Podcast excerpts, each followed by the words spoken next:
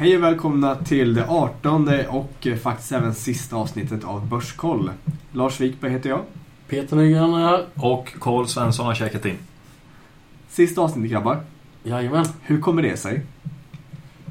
Ja, jag tycker du kan börja förklara Lars. Det var ju nästan du som födde eh, inspirationen till att uh, runda av. Ja, det vad, var vad är det det. som har hänt i ditt liv? Ja, det har hänt mycket. Eh, dels ska jag flytta till Västervik. Eh, träffat en tjej där. Så att eh, det blir flytt nu på månader. Sen även känns det som att det, det, podden tar för mycket tid. Eh, vi jobbar ju fulltid allihopa. Har andra projekt på gång också. Eh, så man hinner inte med alltihopa helt enkelt. Och det är ju svårt att konkurrera med de som jobbar med det här och poddar på daglig basis. Det är ju så. Definitivt. Så vi får, vi får eh, acceptera vårt nederlag där att eh, vi kan inte konkurrera på samma förutsättningar. Precis. Nej, och vi hade väl ambitionen egentligen när vi gick in i det här att vi skulle eh, göra en lite proffsigare inramning och eh, lite mer djupgående analyser och kanske blandat med intervjuer. Men eh, ja, nu står vi i valet kvalet. Gasa, vilket vi inte har, hinner och ork till. Eller lägga ner. Ja. Och då blir valet tyvärr att lägga ner. Ja. Eh, vad vi kommer göra härnäst, det kommer vi ta upp i slutet av podden. Eh, hur vi går vidare härifrån. Just det. Efter, livet efter podden. Ja, vi kan väl lämna en liten brasklapp att det kanske finns möjlighet att den lever kvar i någon form. En lite annorlunda eh, tappning. Podden alltså. Ja, precis. Ja. Och jag kommer fortsätta blogga om aktier. Så jag kommer ändå vara kvar i svängen. Lite kan man säga. Just det. Men vi kommer tillbaka till det senare, helt enkelt. Eh, ska vi gå in på eh, händelserna under sommaren först grabbar? Mm. Mm. Vi har haft en ganska sur börs. Det har vi verkligen haft. Eh, hot från Nordkorea och annat.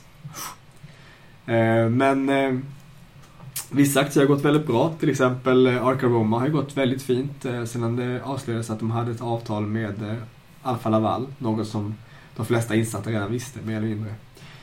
Så nu är det inte bara vänt- väntans tider på hur avtalet ser ut och vad det kommer leda till, helt Mm. enkelt. Och där är jag lite bitter att inte jag lyssnade på ditt köpråd när du gav det till mig en gång i tiden. Fast andra aktier har gått bra också. Men, så eh, är det ju såklart. Så är det ju såklart. Ja, men det, det är alltid lätt att vara efterklok. Är det. är ju ett spekulationsbolag helt enkelt. Eh, Jag har minskat en hel del kan jag säga i det bolaget. Jag låg ganska tungt i det och jag har gått ner en hel del, runt 80 spänn. Så att, eh, jag har kvar en liten spekposition nu som jag tänkte låta rida på. Mm. Det blir spännande. Kul. Mm. Lyckad rek. Ja, det blir bra Rick. Och vi, vi ögnar väl igenom lite snabbt eh, de här bolagen som vi har berört i podden. Vi kommer inte hinna ögna igenom alla men eh, ett litet, en liten mellanlandning i varje bolag. Jaha. Eller i de flesta bolagen. Så Precis. vi eh, kör väl de tre sämsta och de tre bästa då. Ja. Ni har inte mer nu att prata om för sommaren? Jo då, eller? absolut. Och det Ska vi inte köra? Kör! Eh, vi, vi, kan, vi kan väl ta, för att runda av, lite gamla surdegar här så kan vi väl gå in på Tixpack. Eh, det här är ju ett bolag som vi har dissat ganska hårt och tyvärr får de stora sleven nu igen. Eh, de, eh, jag ställer mig frågan varför de finns på börsen fortfarande. Det här är ett entreprenörslett företag och det bör inte finnas på börsen. Eh, det kommer aldrig lyfta. Eh, det finns inte en chans. Så eh, ni som inte har insett det, eh, gör det nu. Hoppa ur det bolaget snabbt som ögat så slipper ni en tråkig resa. Hårda bud. Ja, men så är det. Låter lite som Peptonic ungefär. Peptonica, de som ska börja sälja eh, vaselin nu på marknaden. Jag är väldigt tveksam fortfarande till det bolaget faktiskt. Eh, De har haft två misslyckade studier bakom sig och eh, vi, vi nämnde det här tidigare, tidigare i en podd varför vi inte rekommenderar att man går in på den aktien. Eh, Men det känns som folk fortfarande inte riktigt har koll på eh, hur läget, hur illa läget är så att säga egentligen, enligt min mening i alla fall. Eh, Så det är väl heller också en aktie vi inte rekommenderar att man köper. Ehm, Ja, Ja, på tal om dissa bolag. Hövding var ju ett bolag vi tog upp i podden och vi var väl ganska skeptiska till det rätt tidigt i höstas i fjol. Och räknade väl ut att de behöver sälja, jag vet inte hur många hundratusen hjälmar för att de skulle gå break-even. Eh, och att marknaden knappt fanns för att kunna täcka det behovet, i alla fall inte i Sverige. Eh, och eh, nej, det här bolaget haltar och av de få personer jag träffar här i Växjö som har hjälmen så tycker jag att man hör lite luttrade kommentarer om att man måste ladda den och sådär och någon har gått av av misstag och sådär. Jag tror, jag tror inte det här lyfter faktiskt. Om det inte har gjort det nu så eh, tror jag loppet är kört, tyvärr. Ja, håller med. Så det har hänt alltså att någon har smält av utan att man har gjort Nej, inte av misstag bara så va, men eh, de, de föll eh, liksom lite... Eh, vad ska man säga? Det var, det var inget stort fall utan eh, de tippade lite på cykeln och vinglade till lite och då eh, drog den av. Det måste ha varit en syn. Men önskar man lite spänning i livet så vem vet, det är kanske därför man ska köpa den i så fall. En, Sen, ja, och sen eh, ett par aktier som vi har haft uppe i podden som, som vi varnar lite för. Det är ju Finepart och Appspotter då. Eh, båda som har eh, Almi som bland annat största eller stor delägare då.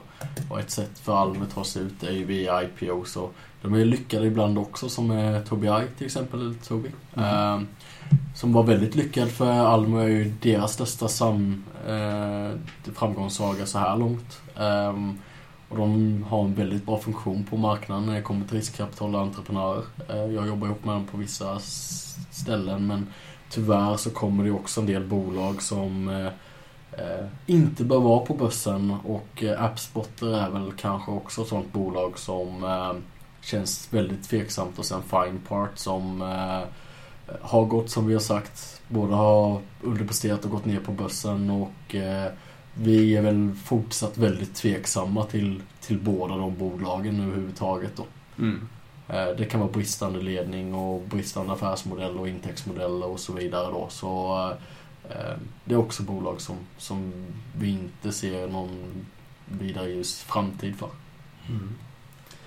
Ett som, vi, som har gått väldigt bra som vi pratade om det är ju Hemcheck. Ett företag som håller på med detektion av hemolys. Eh, De har ju, aktiekursen har verkligen rusat. Den var väl ungefär runt fem spänn när vi pratade om bolaget. Mm. Där vi sa att det var en tveksam, här, tveksam marknad för produkten. Eh, och det står jag väl fast vid egentligen. Eh, sen att aktien har gått sitt, det får man bedöma separat. Men de har gjort nu presenterat en studie bland annat där man konstaterar att det är ett problem och det vet vi att det är ett problem. Eh, och att de som använder produkten är nöjda. Ja men det är klart, de är ju sjuksköterskor och de, det är ju en arbetsuppgift som försvinner för dem egentligen när man ska ta om prover helt enkelt. De betalar ju inte för produkten. Eh, Så det är klart att det för dem blir en win-win att använda produkt som de får gratis. Och det är ju perfekt att intervjua eh, dem och inte arbetsgivaren då. Ja, ja, så kan man se det. Och sen finns det, om jag läser på forumen, väldigt mycket missförstånd kring begreppet hemolys. Eh, Men eh, jag står fast vid att jag tror de har mycket jobb med att bevisa för eh, marknaden att den här produkten verkligen behövs. Och att, eh, den, att, den, att de bör använda den överhuvudtaget. Eh, som tidigare varit uppe, det finns möjligheter att man utbildar sköterskorna alternativt tar med en eh, vacutainer som faktiskt är designad för att ta blodprover istället för en PVK. Som kan ta bort problemet i princip helt. Och hade det varit ett problem så hade man gått på den linjen istället. Så att jag är fortfarande tveksam. Men vi får se, det blir spännande att se i alla fall. Någonting som vi bör nämna det är ju att de här typen av bolag som nämner att de har samarbeten med, med Google eller med stora företag eller skicka ut pressreleaser om att de har patent och den här typen av saker. Eller ganska irrelevanta saker som varken har med tillväxt eller förtjänst och andra eh, viktiga delar att göra. Alltså, de här förhoppningsbolagen eller vad vi ska kalla dem för. Eh, ju, ju mer luddiga och inte alltså pengariktade pressreleaser de skickar ut desto oseriösare är bolagen då. Sen finns ju undantag. Alltså, men eh, det är en Så grov, är det ju. eh, Det är, väl, det är väl om man säger, det kanske är lite annorlunda när det kommer till medicinteknik och så här men, men i de i de allra flesta fall så om man skryter med patent eller med vissa samarbeten med eh, som inte är av relevant varken eh, ekonomisk, alltså som inte har någon ekonomisk höjd i sig. Mm. Eh, de bör man dra ett varningens finger för, kan Mm. jag säga. Mm. Men det är kul att höra Lasse att du fortfarande in i det sista hackar ner på eh, kranbolagen. Vi får se om vi får några mothugg här kanske. Ja, vi får se. Ja, ett, ett annat bolag som vi blev väldigt starkt kritiserade för att vi dissade, det var ju TMG. Ja, just det. Den klassikern. Eh, och det är väl värt att avsluta det där caset och vi kan fråga Mr Macintosh eh, om han kör runt i sin Ferrari ännu eller hur det ligger till. Eller? Du är så jävla långsiktig, Kalle. Ja, men nu kan man ju passa på att säga det sista avsnittet. Men, ja, det eh, kan man göra. det är rätt så Alltså, frustrationen eh, när man faktiskt går upp på forumet och argumenterar för allt det här ser inte bra ut. Det stämmer inte överens med siffrorna de presenterar. Eh, och får bara mothugg, mothugg och folk som tror sig kunna bättre. Och det säger väl mycket om det här med forum, att man, man bör välja vilka man lyssnar på ibland. Det är lätt att lyssna på någon som målar upp en bild av guld och gröna skogar och som säger saker som gör att det känns lite mysigt i magen istället för någon som säger att det här ser inte bra ut. Eh, men vi hade absolut helt rätt i det fallet. Den har väl gått från 5 euro till ungefär 40 cent nu. Någonstans 40-50 cent. Så ner 90 procent så vi börjar prata om den. Och att fo- folk fortfarande hävdar att den är eh, undervärderad, ja, det är väl ingen som vet egentligen. Det är fortfarande mycket skelett som ska upp i garderoben den där aktien skulle jag tro. Mm. Vi får se. Jag håller mig utanför den i alla fall. Instämmer. Eh, Ett annat bolag som eh, gick upp som en sol och som har backat ner som en pannkaka kan man säga är Absolicon som tillverkar solfångare. Eh, Extremt effektiva solfångare då som eh, bildar termisk eh, värme och i form av vattenånga som ska driva industrier. Eh, Vi slängde in ett litet varningens finger att de hade en tjurrusning här i på vårkanten och låg väl uppe på drygt 300 kronor. Och eh, till och med VDn som jag anser har fötterna på jorden, en stabil norrlänning. Uppifrån, eh, jag minns inte, Sundsvall, trakten någonstans. Eh, kommenterade den här kursutvecklingen att han, inte, han kunde inte själv begripa varför den stiger och han hade svårt att försvara värdet och eh, ja, nu Det- ligger den har backat ner till 100 kronor igen. Det är väl en säljsignal om något, är det inte det? Ja, men eh, det, det är det va. Det, men ja, jag har ju börjat ge mig in i den här solcellsbranschen så av vad jag förstår själv så är ju det här med solfångare eh, kanske inte det som eh, marknaden efterfrågar mest just nu så jag har Det finns blivit... ju praktisk tillämpning till exempel om man då kollar på mälterier så som jag är involverad i och bryggerier. Ja. Ehm, när du hettar upp vatten för process men det är en väldigt liten marknad sett till, till totalen. Mm, Eh, och det är ju just industriella tillämpningar men ehm, det konkurrerar ju med andra värmeslag så som fjärrvärme och så vidare så det eh, det finns såklart en mix som man kan jobba med men, men eh, ja, det kan vara ett komplement. ja, nu, är det, nu, nu, nu riktar de sig som du säger i princip enbart till industri. Mm. Men när man ser på villamarknaden så är ju det här med solfångare i princip den marknaden är he- helt död. Ja, där är det ju Mm. bergvärme och sånt som gäller liksom och Ja. luftvärmepumpar egentligen. Ja. Ska vi glida in kanske på eh, våra, som avslutning här, att vi glider in på våra tre bästa rekar och våra tre sämsta rekar i eh, Börskolls historia. Och kanske lite Spekpodden också. Mm. Vad tycker ni? Ja, absolut. Eh, får jag köra eller? Kör på. Ska jag köra bäst först? Kör bäst först. Okej, då är det ju... Vi kan börja med Sarsis, det lilla mikrobolaget som noteras på NGM i februari. Hade en ny emission i december 2016. Eh, De gjorde bara en emission på 3,5 miljoner. Värderades strax runt 30 miljoner vid notering. Gick ganska snabbt ner mot en värdering till 23 miljoner kronor efter noteringen då. Eh, har studsat upp och ner upp till 6 kronor och sen var det nere på ungefär 3 och 70, 3 och 90 där någonstans när vi rekade i podden. Och sen dess har ju de plockat väldigt mycket orders. Framförallt en, en order till eh, FMV, Försvarets materialverk. Som motsvarar egentligen årsomsättningen som de haft tidigare, runt 20 miljoner kronor. Bara den ordern. Och sen har de fått order då till bland annat Kina och liknande. Så de har ju verkligen presterat och eh, eh, ser väl ut att i alla fall minst dubbla sin omsättning. Och det är lite svårt att räkna på vad vinsten är där nu men eh, det ser fortfarande ut att vara ett bra case och den, ju, den har ju gått upp nästan 80% sen dess då. Mm. Ehm, så den, den var ju, det var en klockren rek även timingmässigt då. Det var den som hade modell, en slags vagn man hängde på en bil. Som Ja, sen och sen, själva... exakt. Så vagnen är ju egentligen till för att du ska kunna hänga en vilken, bakom vilken bil som helst. Den mäter friktion på flygfält och liknande. Ja. Eh, och sen så likna, likadant så har de bilar som är helt utrustade. Du kan köpa liksom en hel bil, typ ja, men liksom en Volvo V90 och sen så mäter den då. Jag tycker fortfarande det är helt fantastiskt att det finns ett företag som konstruerar bilar som mäter friktionen på flygplatser. Ja, och det, det finns mycket alltså marknaden för specialfordon är ganska intressant. Man ser det även på sådana Nilsson Special Ve- Vehicles och sådana här också. Eh, något annat som har gått bra det är ju Max Kompetens som vi tar upp. Eh, Konsultföretag, ja, bemanningsföretag. Bemanningsföretag. Eh, från början egentligen riktade de sig mot studenter. Idag är det ju ett riktigt bemanningsföretag. De har haft en ganska bra förvärvsstrategi och börjat dra synergi av det. Har presterat väldigt bra. Man kunde köpa dem till en väldigt låg värdering och de har väl nästan dubblats sen vi hade dem i reken då.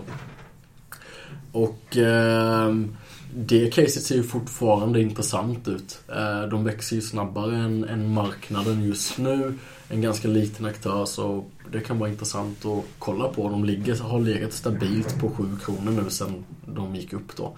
Men eh, där gäller det nog också att följa kvartal till kvartal framåt för det kan ju bli formhack i kurvan. Det har ju hänt bak i tiden och deras eh, notering var ju ganska dålig. Alltså den blev inte fulltecknad och så. Eh, så den noteras en gång i tiden på 7 eller 8 kronor, gick ner till 3-4. Där gick vi in och sa att det kan nog vara ett bra case. Och sen är den uppe på 7 igen, där den en gång i tiden var. Men det finns nog möjlighet för den att gå upp ytterligare då. Ehm, så är det ju. Och sen så har vi ju JLT då. Eh, som vi har haft med Växjöbolaget som gör eh, miljösäkra datorer. Ehm, och de jobbar mycket mot logistik, försvarsmakt, har börjat integrera mycket de här datorerna i lastbilar och de är ju en del egentligen av digitaliseringssamhället på sätt och vis eh, mot utsatta miljöer. Ehm, så de har väl rätt fina tillväxt, alltså där, där finns det ju tillväxt och en marknad även om de är nischad på fortsättningsvis då. Och de har gått in och satsat mycket på, eh, alltså en väldigt stor del är ju på export. Eh, De är inte billigast på marknaden utan de är ju en nischad aktör men de lyckas nu senast sålde de eh, saker till Coca-Cola bland annat. Mm. eh, Till deras lager.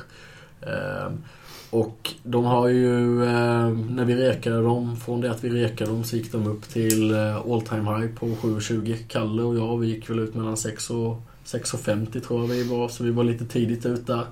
Och idag är de nere på 4,30 så de har ju, ligger just nu i negativ trend efter att ha visat en formsvacka eh, svacka i formkurvan. Så de ligger på min bevakningslista att förmodligen plocka in igen nu framåt. Men eh, man behöver nog inte ha jättebråttom. Men normalt sett så brukar Q3 och Q4 vara väldigt bra kvartal för, för eh, JLT. Mm. Men det handlar ju också att de plockar orders för de, de lever ju mycket på att plocka nya orders hela tiden liksom. Så det, det gäller att ha pipen full liksom, och orderböckerna fulla på kommande orders. Men eh, högkonjunktur och så som det faktiskt är just nu även om räntehöjningar och materialpriser och annat kan spöka så eh, det ser ju fortsatt faktiskt bra ut konjunkturmässigt. Mm. Ett tag till i alla fall. Mm. Så det var mina tre. På det, på det bra sidan då. På den bra sidan. Ja. Eh, ja, mina tre... Den uh, starkast lysande stjärnan är väl förmodligen Insporion. Mm. Eh, som jag med lite tur, eh, lite skicklighet, eh, snappade upp eh, i samband med deras nyemission för, ja nu minns jag knappt, är det, ett år sedan? Var det nio spänn och sånt där va? Ja, jag Somras jag för mig att det var. Mm. Ja, Mm. ja. Eh, som eh, sen har gått jättebra. De var uppe här nu i, mitt under sommaren så de var uppe runt 40 kronor per aktie då. Eh, och de har ju avslutat det här eh, projektet eh, eh, som egentligen kunnat bevisa att de kan mäta på, i batteri i de här battericellerna då på väldigt små och precisa nivåer sen har det inte skett något marknadsgenombrott utan det stora genombrottet det finns ju naturligtvis framför dem. Eh, men jag, är, jag har en väldigt, väldigt confident magkänsla av att det här kan gå mycket bra. Mm. Eh, både när det gäller, framförallt när det gäller batterisensorerna men även när det gäller eh, klimatsensorerna om vi säger så. De som mäter luftkvaliteten i städerna. Eh, jag, och det, är- för mig är det ganska ovidkommande vad de rapporterar innan de har börjat med den, det, det riktiga marknadsgenombrottet. Om vi kollar det andra benet då med eh, utrustningen och säljer de här stora apparaterna till eh, forskningsinstituten. Eh, och här går jag lite efter min eh, filosofi att äga ett sånt här förhoppningsbolag det gör jag bara om jag är beredd att öka i dem. Annars så tycker jag inte man ska äga dem och jag ökar i Inspiration så fort eh, de eh, dippar egentligen utan nyheter. Eh, Så det är väl, en, eh, det är väl nummer ett. Eh, Nummer två, Cleantech Invest. Mm. Svårt att sätta finger på vad det är som har lyft det bolaget. Det är ju en, eh, det är ett investmentbolag inom eh, eh, hållbarhet och cleantech. De har haft ett par IPOs av sina innehav som har gått okej. Okay. Men det har ökat portföljsvärdet totalt sett.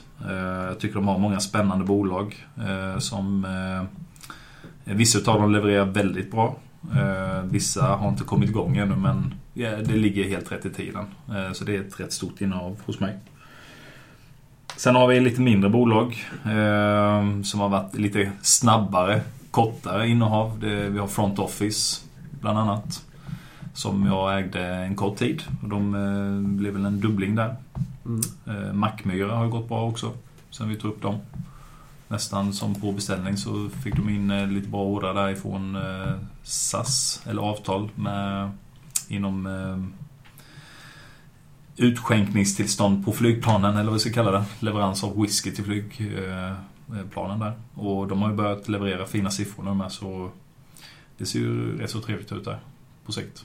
Absolut. Yes. Och Det- mina, mina tre bästa eh, får väl bli eh, Arc Aroma Pure. De här som håller på med sönderslagning kan jag säga med hjälp av elektroproduktion. Alltså med el, slå sönder celler. Och det är en massa tillämpningsområden. Eh, man har kommit igång lite med, op- med op- vad heter det? Olive, Olive heter det. Eh, som är då en eh, eh, teknik där man använder då den här tekniken för att eh, slå sönder oliver och lättare kunna pressa ut mer extra virgin olive oil ur oliverna. Även då i biogasmarknaden, inte kommit igång riktigt än, men som förhoppningsvis kan ge bättre utbyte för biogasanläggningar. Eh, massa olika ben står på intressant teknik, eh, också ett samarbetsavtal nu med eh, Alfa Laval. Och den här har ju gått väldigt bra som vi började prata om den. Eh, den har ju fallit tillbaka ett par gånger men vi nämnde den först i Spekpodden, kallade den för länge, länge sedan. Ett och ett halvt år sedan och sånt där. Och då låg den väl runt, här runt 30 spänn om jag minns rätt. Nu ligger den på 80. Så den har gått väldigt, väldigt bra. Ehm, som sagt, jag ligger kvar med en viss position i det hela, eh, men inte, inte fullt ut längre. Det är fortfarande ett förhoppningsbolag. Och det är mycket oklart vad eh, själva dealen med Alfa Laval kommer bli, om det blir någon. Det är alltid en risk där. Eh, värt att nämna. Eh, ett annat innehav som jag pratat mycket om är EQL Pharma, eh, generikabolaget, som eh, visserligen fick sig en rejäl setback i samband med årsrapporten när de presenterade sitt, eh, eh sin plan för framtiden och sin pipeline. Ehm, Eh, Den har ändå gått väldigt bra som vi började prata om, eh, prata om den. Eh, Vi var uppe på 13 spänn ett tag. Eh, Vi började prata om den, det låg runt 6 spänn någonting. Mm. Så den har gått väldigt bra och har följt med där. Och var klok nog att sälja av i tid innan det gick ner. Men fortfarande, det är också ett, det är mitt absolut tyngsta innehav just nu. eh, Med nästan eh, en tredjedel av portföljen. Jag tror starkt på det här bolaget. Och jag rekommenderar alla att ta en titt på pipelinen framöver och siffrorna. De har i princip, som man säger, eh, kostnaderna ökar inte exponentiellt med eh, omsättningen. Så att det kommer bli en rejäl hävstång i vinsten när de väl börjar få ut mer produkter på marknaden. Mycket intressant bolag. Eh, tredje bästa, om jag nu får nämna den överhuvudtaget, men eh, G5 Entertainment som jag har nämnt tidigare, det tog upp, eh, jag tror jag första avsnittet av Spekpodden tog upp den bolaget. Så att det var eh, intressant. Eh, sen har de eh, huggit mig i ryggen så jäkla många gånger så jag drog mig ur lite för tidigt där. Eh, innan det stora lyftet. Så att jag kan inte riktigt ta cred för den heller. Men jag hoppas, hoppas någon satt kvar och eh, höll i till i alla fall 200. När jag tyckte aktien var rent blankningsbar. Men den har ju uppenbarligen gått väldigt bra sedan dess. Ja, också. det är ju fantastisk utveckling på G5. Definitivt. Och när vi hade vårt avsnitt, jag tror det var avsnitt tre vi hade när vi hade en gaming-genomgång. Mm. Eh, Om man kollar på TOQ där också så har de också gått fantastiskt sen introduktionen då. Starbreeze och Starvault är ju de som har backat kraftigt men eh, både G5 och TOQ har ju varit, gått helt fantastiskt bra. Mm. Det är också kul med Starbreeze. Det blev också lite dumförklarade när vi sa att den, vi avvaktade med den aktien. Mm. Ja, De har lite- gjort mycket, mycket misstag alltså sen vi pratade om dem. Alltså. Ja, det är ju Jag. BR-satsningen är ju helt galen alltså. Eh, Egentligen, det är alldeles för tidigt att satsa stora pengar där. Någon gång kommer det förmodligen hända något där men det är på tok för tidigt och infrastrukturen är inte på plats. Galen. Ja, det är riskfyllt kan vi lugnt Så säga. är det ju också. Sen är de ju, som vi också sa i det avsnittet, att G5 och TOQ de har ju en väldigt bred portfölj med spel. Mm. Även om eh, G5 har ett fåtal spel som går väldigt bra och ligger väldigt högt på topplistorna. Så är det ju att du har ju en helt annan riskspridning där än vad du har på Starbreeze som har ett fåtal titlar eller fåtal ben att stå på. Och smäller något av de benen, eller det blir som förseningar som det har varit nu då till exempel. Eller någon inte så bra lansering av ett spel. Då tar ju kursen väldigt mycket stryk. Ja. Ehm, Jag står fortfarande fast ändå vid att The Walking Dead kommer att sälja väldigt bra. Det är en väldigt bra med- titel. Alltså, men det är ju en väldigt bra titel. Men sen är det ju frågan vad man kan fiska upp den på. Den har ju en ganska hög värdering. Alltså Starbreeze som, som bolag tycker jag. Jag är ju fortfarande mer positivt inställd både till, till G5 och THQ som levererar fortfarande egentligen kvartal för kvartal, månad efter månad. Och det gör ju inte Starbreeze. Nej, men det är, det är också vanligt för, för spelbolag att man faktiskt har mellanår när man inte levererar. Det är ganska vanligt. Starbreeze har varit lite unikum i så fall att de faktiskt har fortsatt sälja Payday 2 väldigt länge och det ska de verkligen ha cred för. Absolut. Det är sjukt imponerande. Men Det de har gjort med det. det är ju nackdelen också med enproduktsbolag då som sagt. Det ju, man sitter ju gärna och har Payday 2 och sen samtidigt ett par andra som, som går bra och sen att du har nya spel och bra titlar i pipen och att du få, inte få de här variationerna så att du sitter utan spelreleaser och sånt under ett år till exempel. Det, det, då, då bör man inte egentligen ha bolaget på börsen för det, det tar mycket stryk och man kan få rätt mycket dålig publicitet på grund av, av, av det också då. Eh, så jag tycker att om man nu ska kolla på börsvärdighet så Paradox, THQ och G5 är typiska bolag som ska vara där. Starvolt och Starbreeze kanske inte borde vara på börsen egentligen. Starvolt definitivt inte. Det kan vi sluta oss till. Starbreeze, ja, det kan diskuteras. Jag tycker, jag tycker den snart kan vara absolut värd att satsa i. Definitivt. Ja, På det sikt. finns som sagt med Walking Dead absolut en uppsida. Ehm, Till sämsta då grabbar, har vi... Ja, ehm, vi, jag har ju ett riktigt sänke på mig där faktiskt. Eh, och det är ju VO Automotive som vi gick ut och tyckte att det såg väldigt intressant ut. Eh, den gick upp till eh, 4,50 och sen så har de haft fruktansvärt dåliga rapporter efter det och blivit väldigt hårt straffade av eh, råvarupriser som har gått upp. Eh, och haft riktigt dåliga rapporter och aktiekursen och det egna kapitalet har ju fått stryk. Innan Eureka den hade en eget kapital på som motsvarade 2,1 kronor per aktie ungefär. Nu är det på 1,6 kronor per aktie så de har haft förlusterna har ju ätit på det egna kapitalet. Vilket också kan göra att det blir en nyemissionsrisk nu på sikt och de har ju även en förvärvsstrategi där de ska växa genom förvärv. Mm. Nu kommer de nog lyckas ha en tillväxt utan förvärv. Men eh, och de har ju vissa avtal som tar skydd för råvarupriserna men det ger nog inte effekt för en Q3, Q4. Kollar man även på EB, ebit-data så brukar de ha fyra dåliga kvartal innan det vänder. De har haft två dåliga kvartal nu. Så man ska nog inte ha någon jättebrådska in i VU Automotive. Däremot så kan det bli ett väldigt, väldigt intressant turnaround-case om man kan fiska upp dem runt eget kapital när vändningen väl kommer.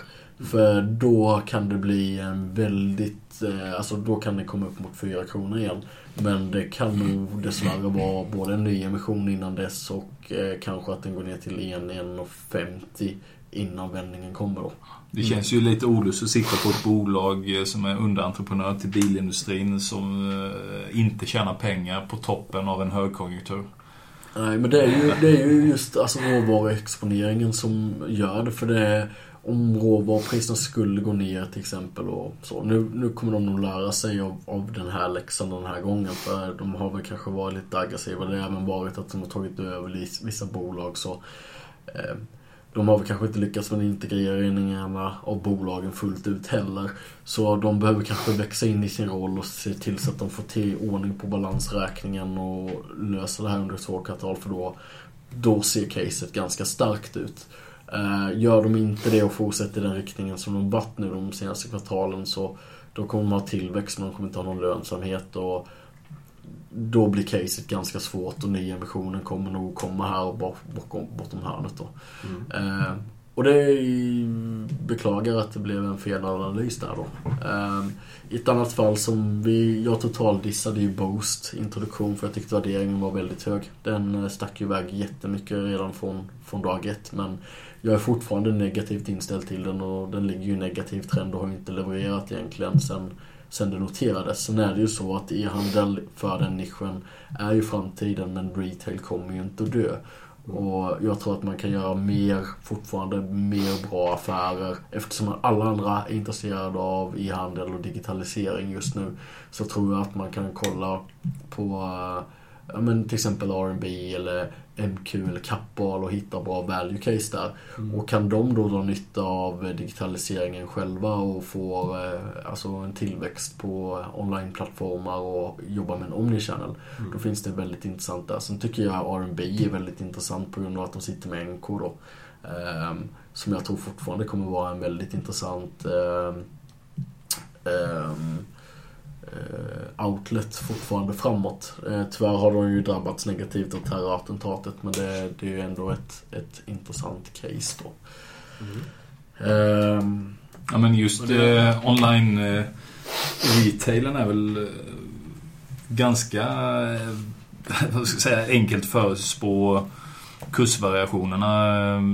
Det går, går rätt så långt bak i grafen och se ett upprepande mönster. Och det, det, det, är ju bolag som man eh, ganska enkelt kan parera och hoppa mellan tuvorna för de Absolut. bäst presterande. Jag menar det, det har ju väldigt mycket att göra med eh, design eh, och mode just för stunden. Eh, Så är det. Sen är det ju väldigt stora säsongsvariationer. Precis. Men eh, det, sen om vi går hoppar vidare till det tredje bolaget som, eh, som jag har. Det var att vi rekade, eller jag rekade inte back vid introduktionen. Och den stötte jag ju från dag ett. Eh, det var väl någon som ville ut där och tryckte ner kursen helt enkelt. Eh, men nu har den ju återhämtat sig och ligger över introkursen. Så jag själv gick ju ut där eh, när den nästan låg på botten dessvärre. Jag hade inte möjlighet att sitta kvar tyvärr likvid då. Men så det, det, var ingen bra intro men den har ju repat sig nu. Så det är väl kanske bra att man har med ett sånt case bland sina sämsta i alla fall. Absolut. Ja. Kalle? Yes. Eh, jag har ju, alltså när man snackar spekulationsbolag så eh, vi har ju eh, Ja, den, den suraste av de sura degarna här det är väl kanske Recyctech då. Ja, det blev ingen surdeg lyckligtvis. Nej, men eh, ändå är ju eh, grundanalysen felaktig. Eh, och där har man ju lärt sig väldigt mycket. Det är ju verkligen eh, någonting man eh, ska lära sig av sina misstag. För de har man ju betalat för, som det så fint heter. Lita inte på ledningen. Nej, nej men en grundregel är ju liksom, alltså det är ju lätt att man stämplar noterade bolag som stora och eh, maffiga och välskötta. Va? Men i många fall på de här mindre listorna som vi kikar på så är det ju små entreprenörsledda och knappt entreprenörsledda. Utan det är det är eh, pampar wannabes som driver bolag som eh, kanske hade behövts några riktiga doers istället för folk som gillar att eh, bygga policies. Och, Sen ska vi inte kasta allt för mycket skit på smålistorna heller för där finns även bolag som Kopparbergs och Fortnox utan det gäller ju mm. kanske särskilda fall då. Ja, det är väl de två då. nej, men skämt åsido. Eh, nej, Resac Tech, eh, vi, vi, vi diskuterade den och jag tyckte tyckte det var intressant case upp mot eh, 18-19 kronor. Ja. Eh, och efter eh, åtskilliga negativa besvikelser så, eh, så, så märkte man att det är något som inte stämmer i det här bolaget. Alltså ledningen går ut och lovar saker som de inte håller. Och eh, för mig var det helt och hållet ett förtroende. Eh, kapitalet var helt förbrukat. Så vi, ja, runt 11 10 kronor, 10-11 kronor så gick jag ur den här aktien och den har ju fallit ner så nu ligger den ju strax över en krona tror jag. Det är nästan något av det värsta jag sett i, i börsväg än så länge för listat företag. När de går ut och säger liksom att allt är guld och gröna skogar, vi ska ha positivt kassaflöde. Så visar sig vara riktad en nyemission istället för liksom intäkter som man förväntar sig. Två gånger. Två gånger. Och sen, sen när de hade tre månader och fabriken stod helt stilla och de presenterade en, en omsättning på 1600 kronor Mm. för ett kvartal. Och då går de ut och säger att nej, det var fel på en, eh, en anlä- anläggningen så att eh, eh, produkten blev gul istället så gick inte sälja den. Mm. Nähä, det kanske vore dags att upplysa eh, allmänheten om det tidigare. Ja. Att det faktiskt stod stilla. Men nu har i alla fall den, den, den käre Göran har klivit uh, åt sidan i alla fall. Får vi se om det kanske blir någon förändring. Men eh, ja. Ja, jo. jag hade inte lagt eh, några pengar på det här bolaget idag heller. Inte jag heller. Om eh, ledningen är etisk, är inte etiskt korrekt och inte har moraliska värderingar ut mot investerarna. Då bör man hoppa av. Det är lärdomen från det caset. Ja. Eh, en annan eh, gammal Jordfräs.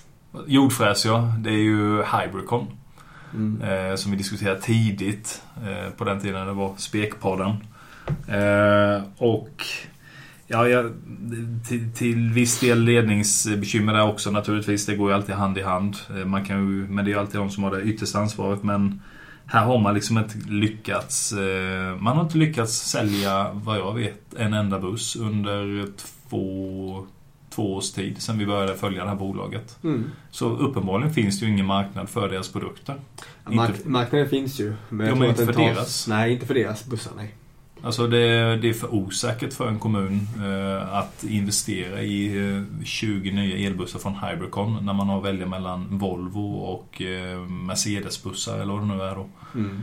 Ehm, eh, så ja, nej det var kanske lite naivt och kanske lite för eh, stort fokus på det innovativa och det fräschheten i deras bussar. Eh, Vi brast lite i vår due diligence där kan man väl säga. Ja, man slängde väl eh, lite för mycket cred åt John i Bösspodden också. Ska vi inte klandra honom för våra dåliga beslut. Men nej, nej, det ska vi inte göra. Tack John för den reken. Ja, nej, det är ditt fel. Eh, nej, men eh, även där så... Eh, det är väl någonting jag har lärt mig om vi kommer in på lärdomar. Just att kunna ta förluster relativt tidigt. Alltså allting kan ju faktiskt gå ner till noll. Mm. Eh, så att lära sig att ta en eh, förlust i någorlunda hygglig tid, eh, det är ju värt mycket. Kan man slippa de här surdegarna i sin portfölj så gör ju det en enorm skillnad på totalavkastningen. Eh, Men där, samma sak där, det hoppade av ja, med kanske en bara inom situationstecken en 30% i förlust. Och nu är den ju nere i Ja, Någon hade krona. man suttit kvar i den så hade man nog legat på back 90-95% tror jag. Ja, något sånt. 90 i alla fall. Ja. Hade du några fler? Eh, ja, den senaste då, det är IQS Energy Comfort. Bolaget, eh, lilla eh, bergvärmspumpsbolaget. Eh, som eh, in, säljer och installerar bergvärmelösningar då, framförallt till BRF och eh, eh, villahushåll. Och de gjorde ju ett fint resultat under 2016, en, ett turnaround case. Och eh, VDn eh, eh, bedyrade att eh, det här är framtiden. Det ligger eh, eh offent, eller ofantligt mycket offerter ute och eh, bolaget kommer växa. Men eh, Eh, man lämnade ut en, eh, en, eh, en förprognos, eller en förrapport kan man säga, i våras. Eftersom de här bara rapporterar halvårsvis om hur försäljningen gick dit intills. Och då blev man ju lite skrämd av den försäljningen. Och vad det beror på det är svårt att säga om. Men gör man återigen sin due diligence ordentligt i ett sånt här litet bolag så, ser man att det, det är ju Det är ju färre anställda än vad vi har haft i våra bolag. Eh, och då, då, vet man också att då är en sån verksamhet enormt känslig för att en säljare slutar till exempel. Mm. Toppsäljaren kanske slutar och går vidare i sin karriär och då, då tappar man en tredjedel av omsättningen på, mm. på direkten. Mm. Eh, här har det svängt för mycket och man gick ut i halvårsrapporten och sa att eh, eh fortsatta prognosen här för eh, 2017 kommer bli ja, medioker och man lämnade till och med en prognos för 2018 som knappt uppgick i samma eh, siffror som 2016. Eh, så då blev jag alltså helt avskräckt från den här aktien. Om man själva går ut och säger att det inte kommer gå mer än sådär okej okay, 2018. Äh, då då eh, går, går det inte bättre så. Samma sak när, när det är högkonjak och vi står för den största energiomväxlingen i eh, modern svensk historia så nej, då vet jag inte om det är något jag vill ligga inne i. Men det skulle ju kunna vara så att de sänker ribban för att de ska kunna bevisa. Det vet jag inte om ledningen är så pass kompetent men det är ju egentligen det som Fingerprint har gjort nu i efterhand också. Att de inte går ut och målar upp en bild som inte de klarar av att leva upp till. Mm. Så det finns ju alltid det, den sidan av myntet. Nu är inte jag tillräckligt påläst i caset med IQS. Men eh, Um, det är väl ett, en trolig, ett troligt scenario att, att, att uh, man har haft övertro på sig själv tidigare och sen så uh, får man väl kanske tagga ner lite och uh, leverera först innan, innan man lovar marknaden någonting nytt. Ja, nej men så är det. Och börsvärdet på det här bolaget nu det är ju jätte, alltså i, i relativa termer lågt. Ja. Mm. Eh, men eh, ser man till vad de presterar så ska det inte värderas, högre. eh, men det är klart alltså, slå från underläge och har man tid och tålamod att sitta i bolag så det, det kan, kan vara rätt att plocka upp det kanske om ett halvår. Mm. Eller så. Men nej, man har ju problem med, med att eh, anställa en VD som stannar. Man har haft två VD-byten här under kort tid. Mm. Eh, och det är klart, alltså eh, rekrytera en VD till ett börsnoterat bolag, det låter ju flashigt. Men när man, alltså, när det är lika stort som, ja, det, vad, vad kan det vara, 15-20 anställda där. Ja. Det, man, behöver, man ska inte ha en VD som lägger all tid åt att sköta det formella pappersarbetet. Man behöver, som jag sa innan, man behöver en doer som går ner och skitar ner sig lite grann och eh, jobbar hårt och drar in affärer. Mm. Uh, inte någon som vänder papper. Ja. Lasse då? Mina ordfräsar. Jag har haft eh, några riktigt dåliga rekar måste jag säga. Eh, en av dem är ju Fingerprint som jag tyckte jag köpte på 90 spänn. Eh, de hade väl ett... Vad hade de? De hade ju en vinst på 2,5 miljard 2016 som ändå gav P 10 någonting på den värderingen. Tyckte det var köpvärd. Sen har ju faktiskt de blivit omsprungna eh, av vissa andra, eller omsprungna och omsprungna, men de har fått mycket konkurrens. Väldigt hård konkurrens och kostnaderna för företaget ökar som gör att deras vinster framöver kommer att bli sämre. Eh, så att det var väl en väldigt dålig rek med tanke på att den har gått ner nu till, var det 25 som lägst tror jag till och med. Eh, där kom jag ut med, eh, vad ska man säga, blotta förskräckelse kan man säga. Det blev ingen större förlust där, men eh, jag fick ändå bita sig ur äpplet och ta ut en liten förlust. Eh, tyvärr. Så det var väl ingen bra rek. Fingerprint nu? Svårt att säga. Jag har inte så bra koll på det på företaget längre om jag ska vara helt ärlig. Men eh, absolut värt att följa tycker jag. Ehm, marknaden är fortfarande stor. Eh, det jag är besviken på är deras förmåga att inte kunna skydda sina produkter. Att kineserna faktiskt har lyckats komma ut med motsvarande läsare eh, som säkert har vissa intrång mot Fingerprints patent. Sen eh, hur det hur, det, hur resonemanget går där, det vet jag inte. Om de kan skydda patenten eller inte. Nej, och det, det är ju alltid, det. det är alltid det jobbiga med om man kollar på kineser. Vill de gå in och ta över en marknad så gör de oftast det. Mm. Oavsett om det rör sig om stål, bitcoin eller vad, vad det än rör sig om. Så, um, det, man bör ha i åtanke och se lite på hur Kina utvecklas och konkurrensen där. För det, den kan bli farlig. Eh, I och med att det är svårt att försvara patent och skydda sig i någon form. Och de tänker inte riktigt likadant som oss i västvärlden. Så vill de gå in och äga någonting då kommer de att göra det. Mm. Eh, till nästan vilken kostnad som helst. Precis. Um... Det ja. ger ju å andra sidan väldigt intressanta delar till exempel som Cellimpact då, om de vill gå in och äga vätgasindustrin och leda den utvecklingen så finns det ju en jätteuppsida där såklart. Um, som ett särskilt fall men uh, um, ja, det, det finns andra sätt att spekulera där på istället då. Om man tror att Kina vill äga vissa marknader eller nischer då. Det här är ju ändå typcase att studera gällande eh, forum till exempel. Att de som hade en negativ åsikt om Fingerprint trycktes ner väldigt hårt på forumen. Och eh, det visade sig att de hade rätt. Ändå till slut. Absolut. Att den här hypen inte var motiverad. Dock har ju företaget levererat väldigt mycket. Om man säger så. Hade de, eh, hade de eh, levererat Oj, sorry. Hade de eh, levererat så som de hade velat? Eh, alltså så som de gick ut och pratade med marknaden om. Vi får klippa där kanske. Nej, vi kör på. Ja, okej. Sorry, jag är Det förkyld. sista avsnittet, nu kör vi. Vi kör. Ända in i kaklet. Ja, jag är Nej men hade, hade Fingerprint eh, levererat som de hade sagt till marknaden och P-talen hade varit så. Men vad fan, sluta Jag nyssa. är förkyld.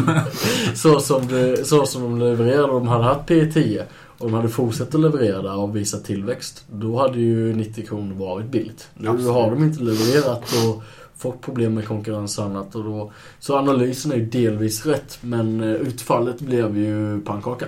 Och det hade du också helt rätt med lagernivåerna, Peter. Eh, när du var med i Spekpodden, du sa att lagernivåerna skulle man ha koll på. Eh, och det var ju precis det som hände, att lagernivåerna var fyllda.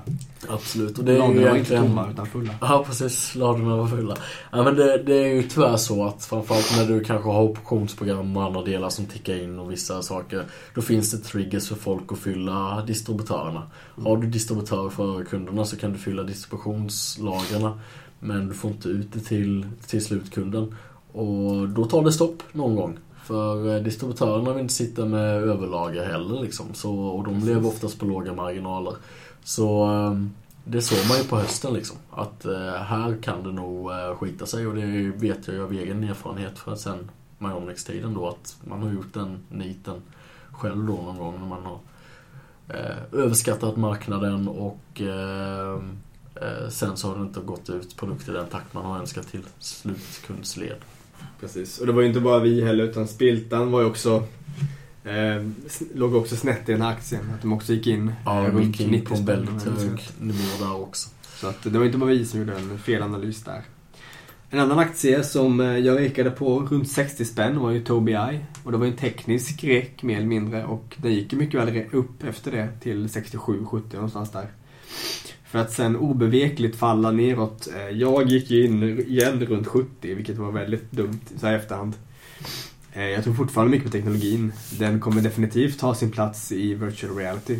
Och även i dataspel faktiskt. Eh, de, de klippen jag har sett verkar väldigt lovande. Det, det är ett intressant bolag och vill man veta mer om dem så tycker jag att man ska lyssna på eh, grundaren till Tobii på Framgångspodden om man vill veta mer om teknologin och vad det faktiskt kan göra. Ja, just det.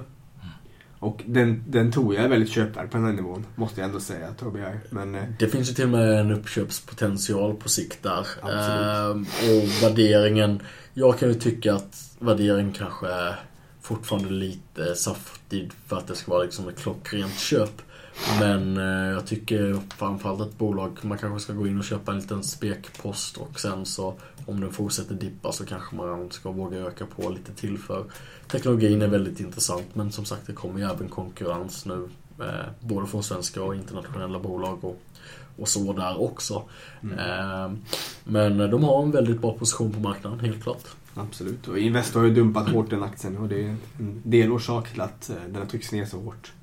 Ska vi säga så också. Och de är inte klara än så att det kan ju vara värt att avvakta lite också. Med det. Eh, min sista är väl egentligen Optifreeze, eller Optifreeze slash Ortoma. Eh, två aktier där jag egentligen borde avvaktat eh, och stått utanför tills nyemission var genomförd. Som jag ändå hade på känn skulle komma. I Ortoma hade jag någon slags idé om att det kunde bero på eventuellt uppköp, att man inte brydde sig om eh, pengasituationen. Som sen visade sig vara att man hade lån istället. Det var ju verkligen en klar miss. Eh, dock var bolaget tror väldigt mycket på på ett par års sikt. Definitivt. Och jag tror också det är värt att plocka upp den här nivån. Eh, jag har ökat i båda två, det är värt att säga. Eh, Men det var ju klart otroligt dålig timing av, av mig där och också något jag har förlorat en del pengar på. Ehm, så det är klart lärdomar, att våga stå utanför, våga ha likvider. Det har jag varit otroligt dålig på men jag är ändå bättre på nu. Nu sitter jag ändå med en hel del likvider så man lär sig alltid något. Och stopploss. Tobii Eye borde haft en stopploss i. Fingerprint borde haft en stopploss i. Inte snittat. Det slutar ändå med att man, man spelar en dålig hand och fortsätter kasta in pengar i potten. Fast man vet att man egentligen inte borde. Snittfesten fortsätter. Snittfesten fortsätter. Det är svårt att bluffa aktiemarknaden. Det är Ja, det är det. problemet. Tyvärr. Tyvärr. Nej, men det är lätt att eh, gå, försöka vara, eh, alltså tänka förbi börsen. Alltså tänka, försöka tro att man är smartare än börsen. Mm. Eh, Och gå emot en trend är ju det sämsta man ska göra, kan, göra, kan göra. Även om, även om du har rätt i ditt antagande. Ja. Och det visar sig sen också så det är ju alltid tufft att gå mot en tydlig trend. Absolut. Det är väldigt viktigt att ta med sig.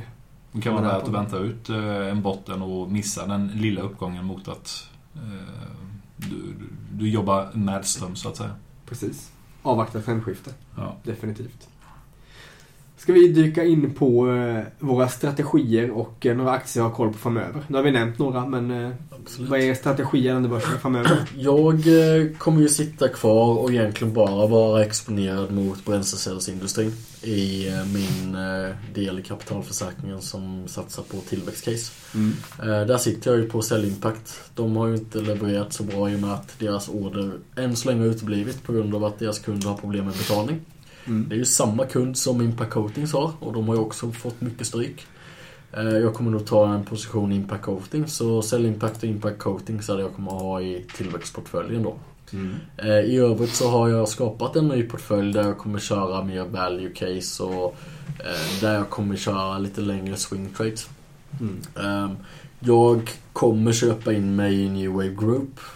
Eh, största anledningen till det är att Torsten Jansson som grundare och drivare av bolaget, bolaget går väldigt bra. Eh, oftast är Q1 och Q2 de två sämsta kvartalen på året. Q3 och Q4 brukar gå bra. De flesta delar av verksamheterna ser ut att gå väldigt bra. Eh, aktien ligger då på 53,5 kronor. Torsten har själv köpt mellan 56 och 60 och 25 väldigt stora poster.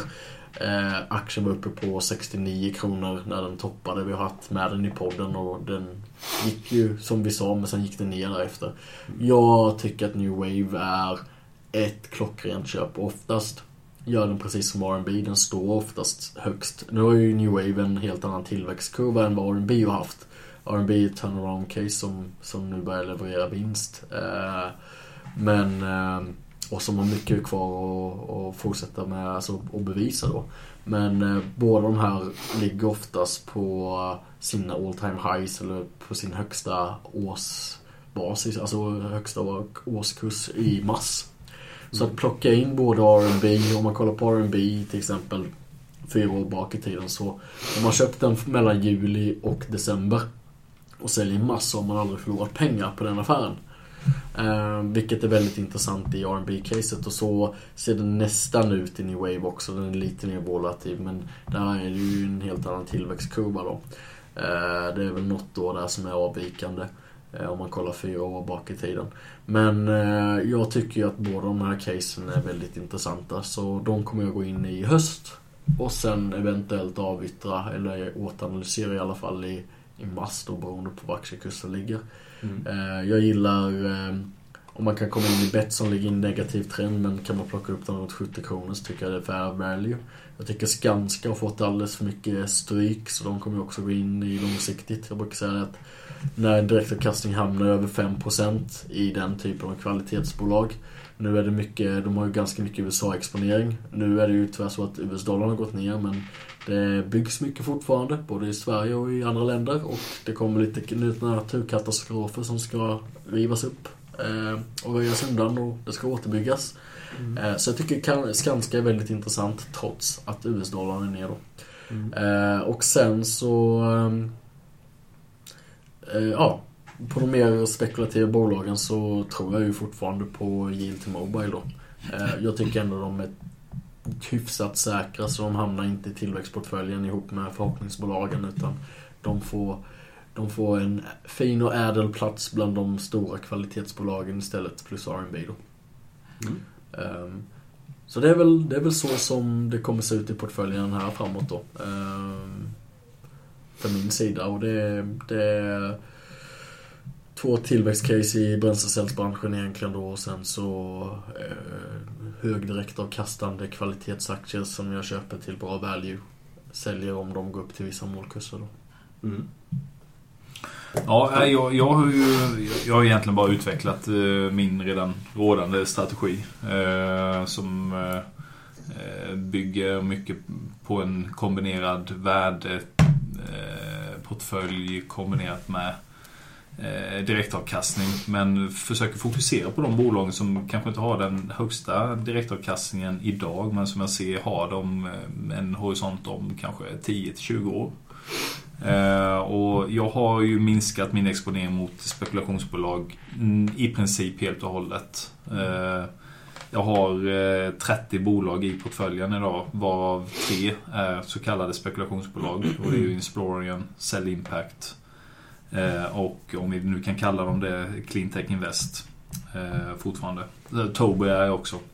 Mm. Eh, och anledningen egentligen, den stora anledningen är att eh, nej men det, här, eh, det här passar ju min, min egen filosofi. Och jag har blivit lite mer ödmjuk kring eh, det här med filosofi att eh, Alltså det, det, jag tror inte på att det finns en gyllene medelväg som är den bästa för alla när det gäller eh, eh, börsexponering. Utan eh, man får gå till sig själv och se vilken strategi som passar mig.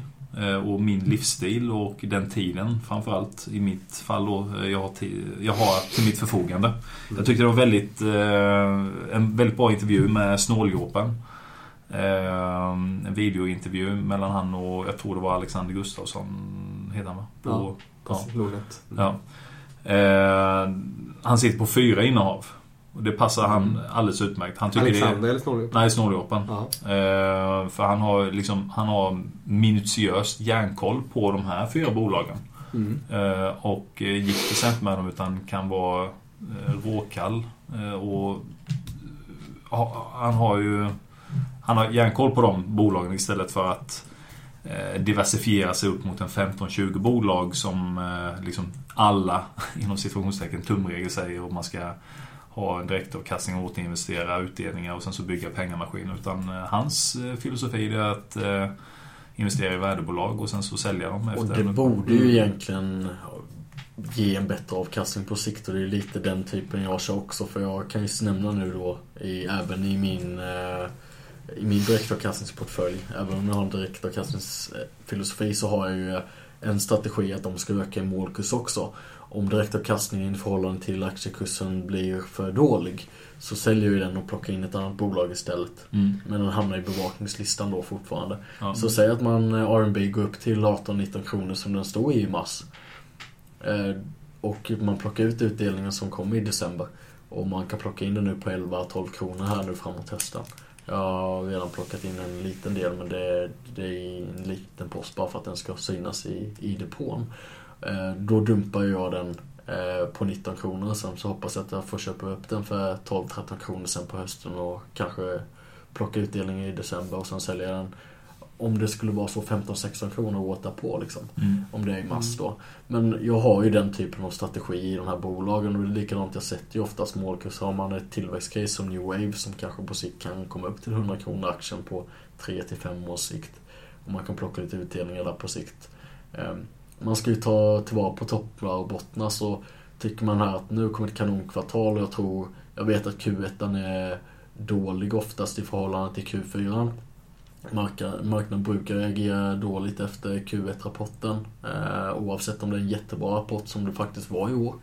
Och då börjar världen utför så det är också en sån aktie som man kanske ska sälja i massa och köpa tillbaka på hösten. Mm. Men där har du ett helt annat tillväxtcase så man får vara beredd på att fortfarande om man har köpt en billig på hösten året innan då att man får vara med på att den är nog 20% dyrare eller 15% dyrare året därpå när du går in i den igen då. Men att den förmodligen står högre än året innan i mars om man säljer den då. Mm. Och sen så kan ju marknaden utvecklas hur som helst åt alla håll och riktningar.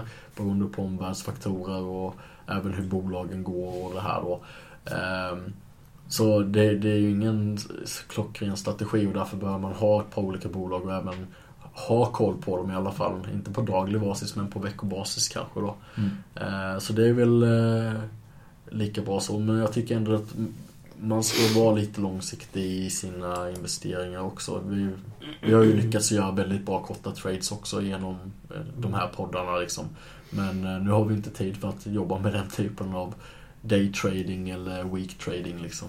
Nej, men det, det, det var det jag var inne på egentligen. Det, det är tiden som begränsar mig för att eh, kunna sitta dagligen och följa nyhetsflöden och göra eh, snabba bedömningar. Eh, Jag, har, jag har inte tiden helt enkelt och då måste jag exponera mig mot lite större och mer stabila eh, bolag. Och, eh, jag har ju tungt viktat mot investmentbolagen där jag litar eh, på att de gör det här jobbet åt mig. Och där har du också diversifiering Jo, om så blir det va. Eh, och då kan i jag... bolaget själv. Ja, och det är min, eh, min, min, min stora filosofi det är ju långsiktighet. Jag ska kunna syssla med det här i eh, större delen av mitt liv. Och då gäller det att jag inte tröttnar Mm. och går på och nitar liksom. Och just nu så är det ju mitt fokus på att driva mina företag. Och jag måste vara helt fokuserad på det. Jag kan inte emotionellt dras med ifall ett bolag eh, tappar eh, 50% på en dålig nyhet. Eh, För då påverkar det för mig för mycket helt enkelt i eh, mitt eh, övriga dagliga arbete helt enkelt. Mm. Eh, ja. Ja, när säga det med diversifiering. Det var ju så en graf där att efter sex bolag så tappar liksom diversifieringen sin effekt ganska rejält. Så Mm. att någonstans där behöver man inte ha så mycket mer bolag egentligen än sex stycken. Och jag menar sex, sju, åtta, nio, tio stycken är väl det man kan egentligen ha koll på ganska bra. Så Mm. det, varför inte bara begränsa sig där? Och det är ju likadant, jag har ju lagt upp det så, så i min, min portfölj som jag kommer ha direktavkastning i, där är det max sex bolag ändå. Mm. Eh, sen så kan jag göra en preferensportfölj och försöka plocka in de sex bästa preffarna där till exempel. Och, och om jag då kör en högriskportfölj med förhoppningsbolag då kanske jag kastar in fyra till sex där då. Mm. Och då får du också en annan diversifiering på riskspridningen totalt sett då. Ja. Sen så kan man ju styra, ibland kan man kasta in en halv mille i, eller en mille på i portföljen och sen kan man vikta om mellan portföljerna beroende på vilken riskprofil man vill ha under vissa perioder då. Precis, Eh, det är en annan femma om man riktar mellan olika tillgångsslag. Det är ju en bra diversifiering men att vi gör mellan olika aktier. Det känns som att det är, ja, jag tycker inte att det är en större. Ja, det är ju om man vill göra en sån, eh, alltså som vi sa, en direkt, alltså en pengamaskin då. Eh, och inte vill ta någon större risk. Då kanske man ska ha 100 bolag, räntebevis, företagsobligationer, preffar och sen en massa högutdelare även i olika länder. Och göra en riktig carpet bombing och återinvestera all direktavkastning då. Mm. Eh, Det är lite pill med det också. Alltså det är ju ingen helt passiv inkomst men har man den strategin så, och tycker att den är behaglig då kan man ju köra på den liksom. Men eh, där får man ju kanske inte den här exponentiella ökningen så. Eh, De portföljerna jag vill ha, jag vill ju kunna ha möjlighet till en kursökning på 40-50% även i direktavkastningsportföljen då.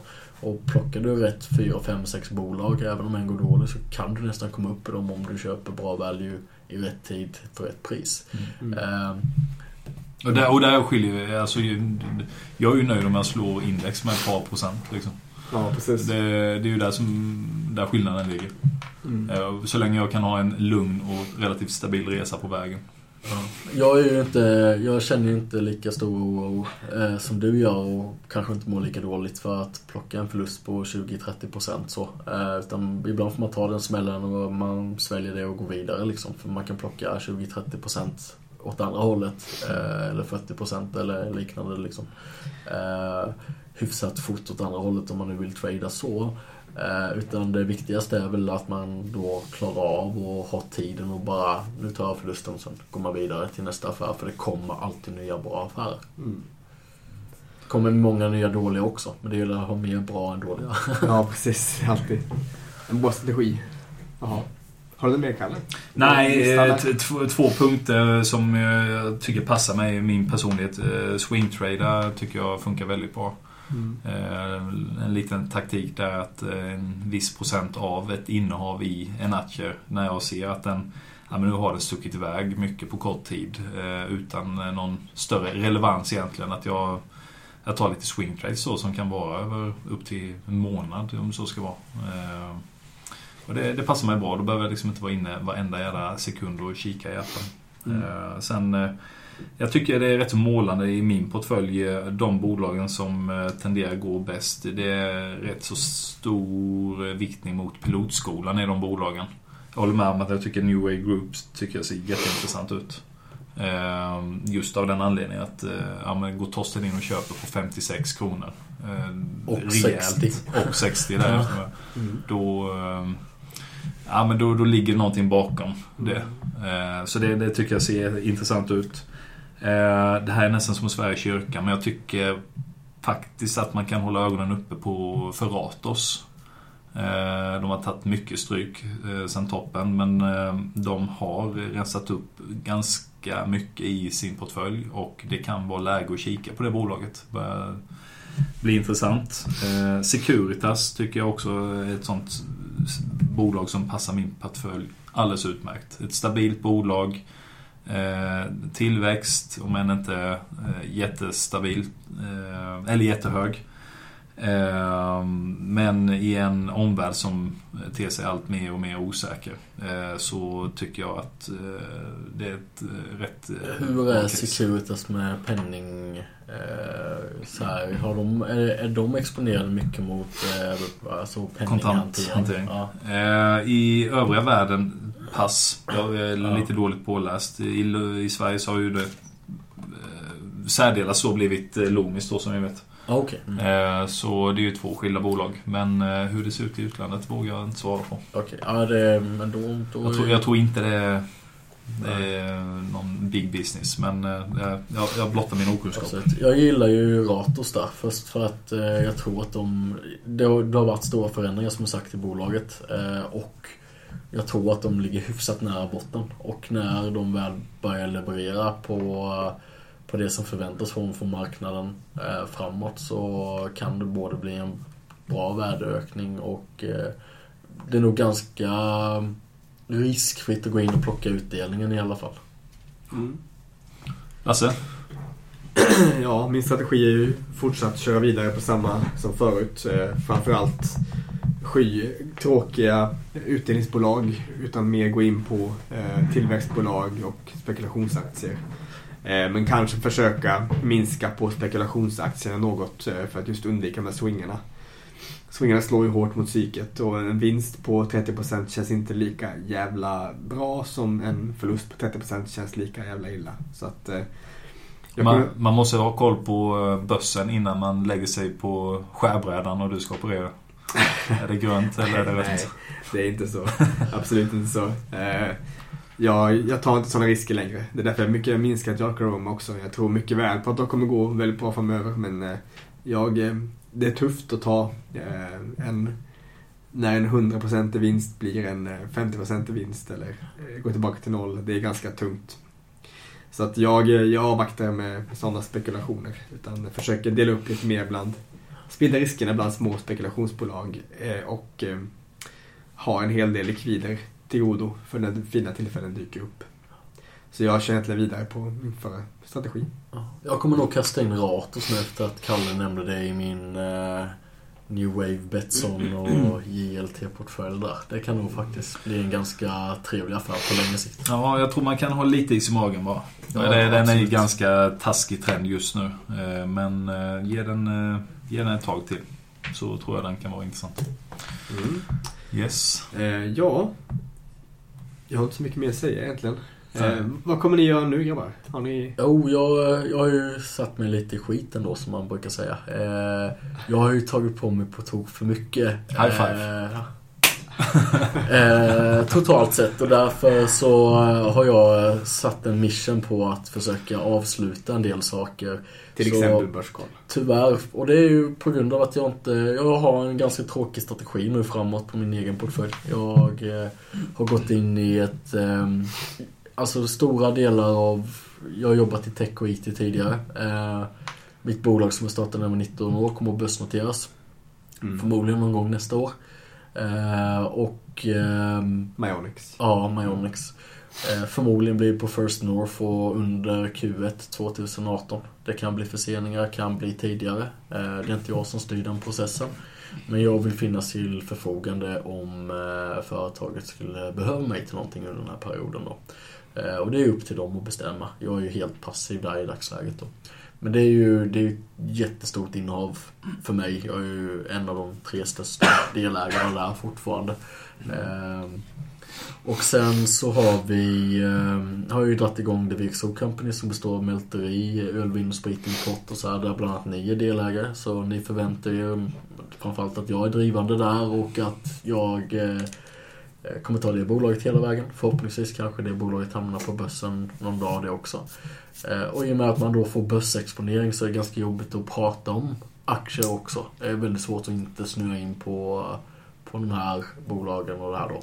Sen utöver det så har jag ju även då eh, ett bolag ihop med två killar, Christian och Peter, som har drivit Digital Ventures samt en kille som heter Henrik Westerberg som jobbar på Softas här i Växjö. Som heter Viventi. Och vi är majoritetsägare idag i Picture Global som digitaliserar CVn då. Mm. Eh, och gör en app för det och det är någonting jag tror väldigt mycket på. Så jag lägger en dag i veckan på det då. Eh, Detta gör ju då att mina andra delar som till exempel jag är delägare i minoritetsdelägare och sitter i styrelsen i ett Gotlandsbolag som eh, jobbar mycket med att ta fram eh, indiespel då. Eh, Och där kommer jag fortsatt bidra med min kompetens och med mitt nätverk som, som jag besitter då eh, för att de ska lyckas. Men eh, jag sitter på en för liten andel aktier i det bolaget för att jag ska kunna vara mer aktiv där då. Eh, Och sen sitter jag med i attraktiva Lessebo i och med att vi har mälteriet där ute, där ute utifrån då. Eh, Och det måste jag också avsluta för det tar också lite för mycket tid. Eh, Är det Jag attraktivt? tycker- Lesbo? Ja, precis. Det, det var attraktivt. Less i samma mening. Ja. Nej, men det, det, det är ju en företagsorganisation som ska främja ut, utvecklingen i Lessebo, Hommartorp, Skruv och Kosta då. Eh, och där är ju Kosta drivande. Där har vi ju bland annat New Wave Group men förhoppningsvis så ska ju mälteriet eh, kunna bli en ganska stor arbetsgivare där ute på sikt då. Eh, och där måste jag lägga mycket tid. Men eh, jag kanske inte behöver lägga det på företagsföreningen utan det finns förmodligen en person i vår organisation i The VXO Company som är bättre lämpad för det uppdraget och som kan växa med det uppdraget också. Ehm, så ehm, det är väl jag i korta drag. Jag kommer fokusera på Viventi och Pitchler, The VXO Company och eh, jag ser fram emot en börsnotering för Myonix då. Mm. Uh, nej, jag har eh, många bo- bollar i luften med. Allting uh, ska ju ske på en och samma gång här nu. Har ju allting utmynnat i. Uh, lämnade ju larmbranschen här i våras. Uh, som franchisetagare då för Verisure. Och har gett mig in i solcellsbranschen då. Ska bygga ett varumärke som heter Ekokraft. Som är en av Sveriges största privata aktörer på solcellsmarknaden. Och eh, har uppdrag då att eh, bygga eh, organisationen i Götaland kan man egentligen sammanfatta det med då. Med regionskontor här i Växjö.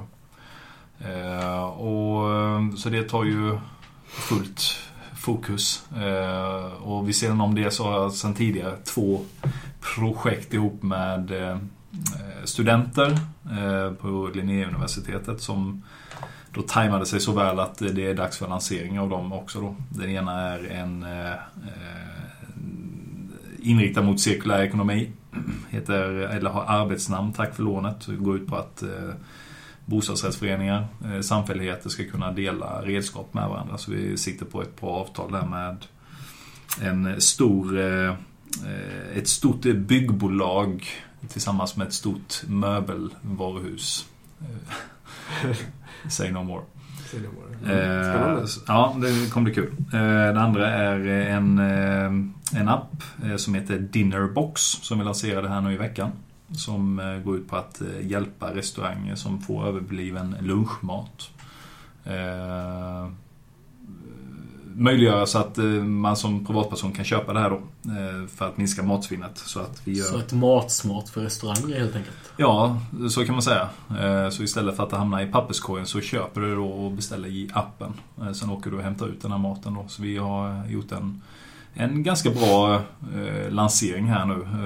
Framgångsrikt i denna veckan. Och det, det krävs mycket mantimmar för att lansera en sån grej. För du behöver mycket användare mycket anslutna restauranger från dag ett. Liksom för att det här ska lyfta då. Så det har varit sena nätter. Eh, cyklat runt och varit ute och dirigerat eh, folk som delar ut eh, flyers och dropp i brevlådor och stått på gatan och delat ut flyers och allt möjligt. Så det är kul. Det är, Har ni anställt en mänsklig skylt också? Finns i Stockholm och står liksom med en pappskiva fram, pappskiva Nej, den lotten föll på mig.